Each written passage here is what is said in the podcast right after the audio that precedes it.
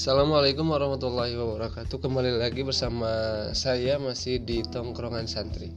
Kali ini saya akan membahas tentang buku Yang ditulis oleh Saudara Bapak Farid Mana Dalam judul Anda ingin mati seperti apa?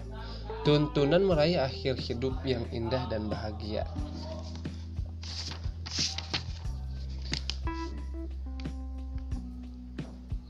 dengan judul asli Ala Ayy Hal Tamut penulis Farid Mana penerbit Dar Al Huda Li Al Kutub cetakan pertama tahun 2008 edisi Indonesia Anda ingin mati seperti apa? Tuntunan meraih akhir hidup yang indah dan bahagia. Dengan ISBN 978 strip 979 strip 3 862 strip 44 strip 6 Penerjemah Kartini SPDI Editor Saiful Hadi El Suta. Cetakan pertama Juli 2008 Penerbit Pustaka Almawardi PT Almawardi Prima Anggota IKAPI Jaya. Jalan Pondok Pinang 3 Gang Bidan nomor 5 Kebayoran Lama Jakarta Selatan telepon 021 7651689 759 01372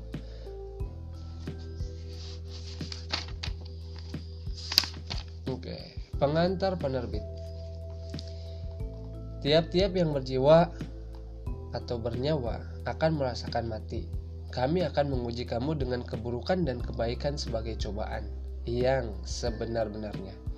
Dan hanya kepada kamilah kamu kembalikan.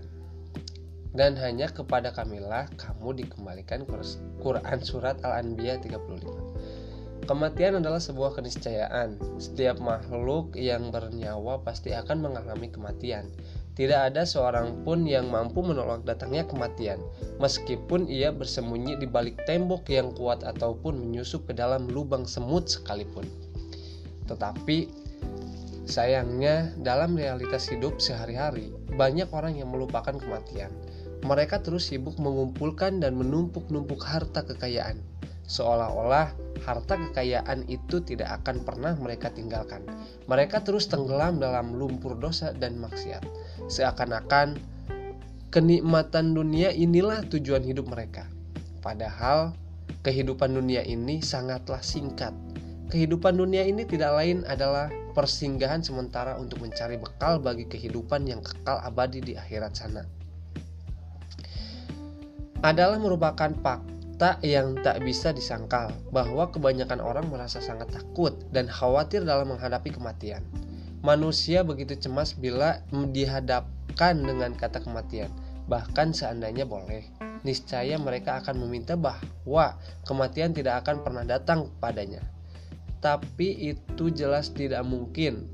Kematian adalah keharusan. Setiap ada kehidupan pasti ada kematian.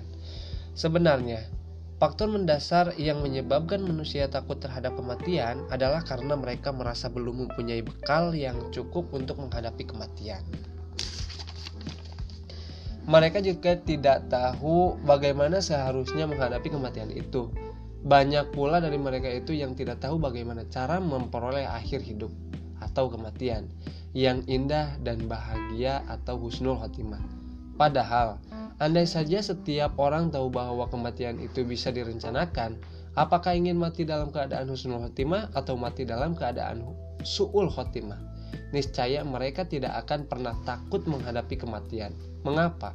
Karena bagaimana keadaan kita saat menghadapi kematian dan pada saat berada dalam kehidupan setelah kematian itu sangat tergantung dengan perbuatan dan amal yang kita lakukan dalam kehidupan ini. Jika kita selalu istiqomah berada di jalan Allah, niscaya kematian yang indah dan bahagia akan kita dapatkan. Sebaliknya, jika kita lebih memilih untuk mengikuti jejak-jejak setan, niscaya kematian yang buruk dan celaka akan menimpa kita.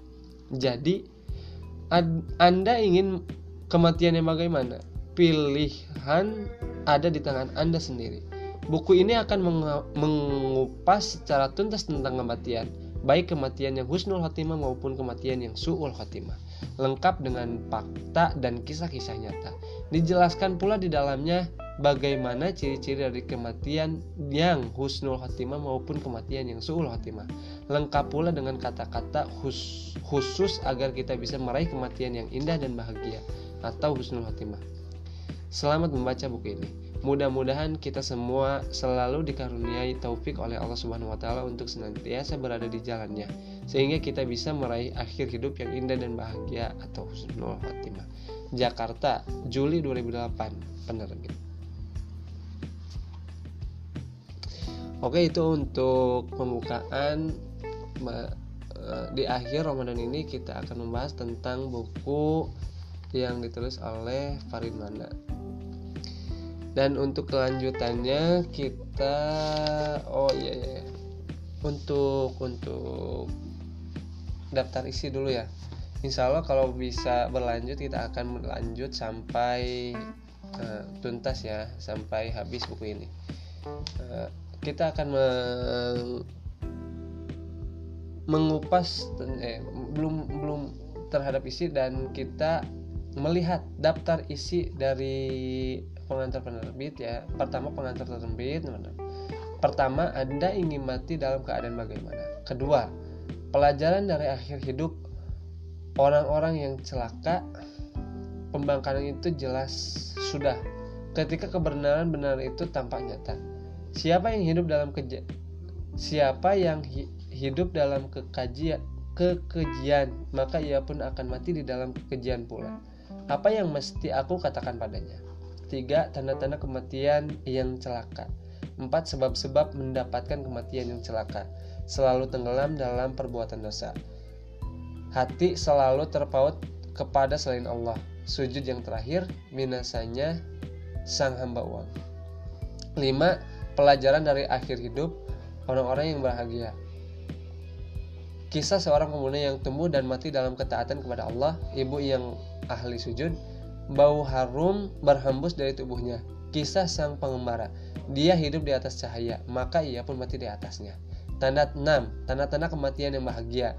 Ucapan terakhirnya adalah kalimat tayyibah. Berkeringatnya kening adalah tanda orang beriman. Meninggal pada waktu-waktu yang diberkati. Meminta kesaktian adalah pertanda kebahagiaan. Mengerjakan kebaikan di sisi hidupnya yang terakhir. Kunci meraih kematian yang indah dan bahagia. Siapa pun yang hidup di atas sesuatu, niscaya ia akan mati pula padanya.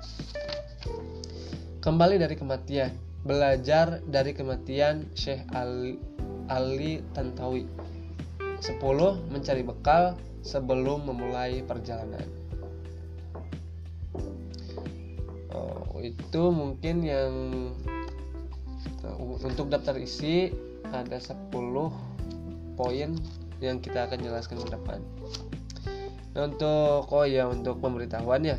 Ini eh, saya merekam langsung menggunakan aplikasi Anchor. Dan di sini hmm, aplikasi Anchor sangat praktis mudah dan tidak ribet gitu. dan bisa didengarkan di seluruh jaringan Oke, segitu aja. Set, sebatas itu saja untuk pembukaan kali ini. Mohon maaf bila ada banyak kata yang salah dan kurang jelasnya intonasi ataupun penjelasan mohon dimaklumi. Sekian, terima kasih. Wassalamualaikum warahmatullahi wabarakatuh.